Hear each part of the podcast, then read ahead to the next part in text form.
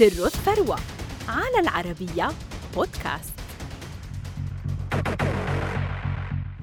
بثروة تبلغ 147 مليار دولار يحتل الترتيب الثاني بقائمة أثرياء العالم ويتصدر واجهة المليارديرية في آسيا. في بلده هو قائد ريادة الأعمال ويحظى باستحواذ شبه كامل على القطاعات الحيوية في الهند كما أن أكبر مشغل للطيران تحت سلطته وكذلك هو مالك أكبر الموانئ. فمن هو جوتام أداني الذي أطاح بجيف بيزوس مؤسس أمازون وتجاوز بيل جيتس وغيرهما من المليارديرات الأكثر شهرة في ترتيب العالم حسب آخر قوائم بلومبرغ لسبتمبر الجاري. وما سر ثروته؟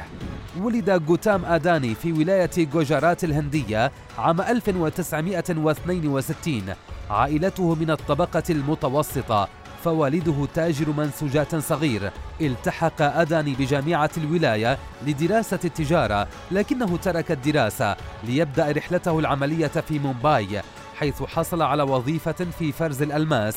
ومع الوقت فهم السوق وعرف دهاليزه. ثم أصبح يعمل سمسارا للألماس. هذه المرحلة التي شكلت منعطفا في حياته. فبعد سنوات قليلة أصبح تاجر الألماس جوتام أداني مليونيرا وهو في سن العشرين. أراد أن يوسع تجارته ويبني إمبراطورية تحمل اسمه فأسس شركة أداني في عام 1988 تخصصت الشركة في المنتجات الزراعية والطاقة لكن طموح أداني لم يتوقف عند هذا الحد. ومع الوقت قام بتوسيع أعمال الشركة في مجالات متنوعة كتوليد الطاقة ونقلها وتجارة الفحم والتعدين وتوزيع الغاز واستكشاف النفط والغاز والموانئ. والمناطق الاقتصادية الخاصة. واصلت مجموعة أداني صعودها المتواتر حتى أصبحت اليوم واحدة من أكبر ثلاثة تكتلات صناعية في الهند. تضم المجموعة سبع شركات مدرجة في البورصة برأس مال سوقي مشترك يزيد على 242 مليارا و730 مليون دولار وفقا لآخر تقدير بنهاية أغسطس للعام 2022 في العام 2021 بلغت إيراداتها أكثر من خمسة مليارات دولار فيما تمكن من تحقيق مكاسب بلغت 70 مليارا و300 مليون دولار في 2022 احتل أداني مكانة متميزة في ريادة عالم المال والأعمال في الهند فهو المالك لميناء موندرا أكبر موانئ الهند وما نسبته 74% من مطار مومباي الدولي أكبر مشغل للمطارات في البلاد.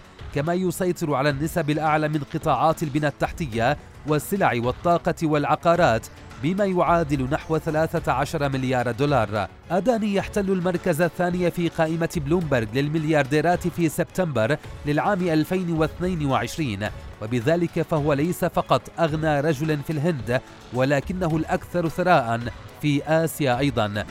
جوتام أداني الذي كان فردا عاديا يوما ما صنفته مجلة إنديا توداي في عام 2019 كواحد من أفضل الأفراد في البلاد وهو اليوم يتربع على عرش إمبراطوريته التي بناها بكد وعناء.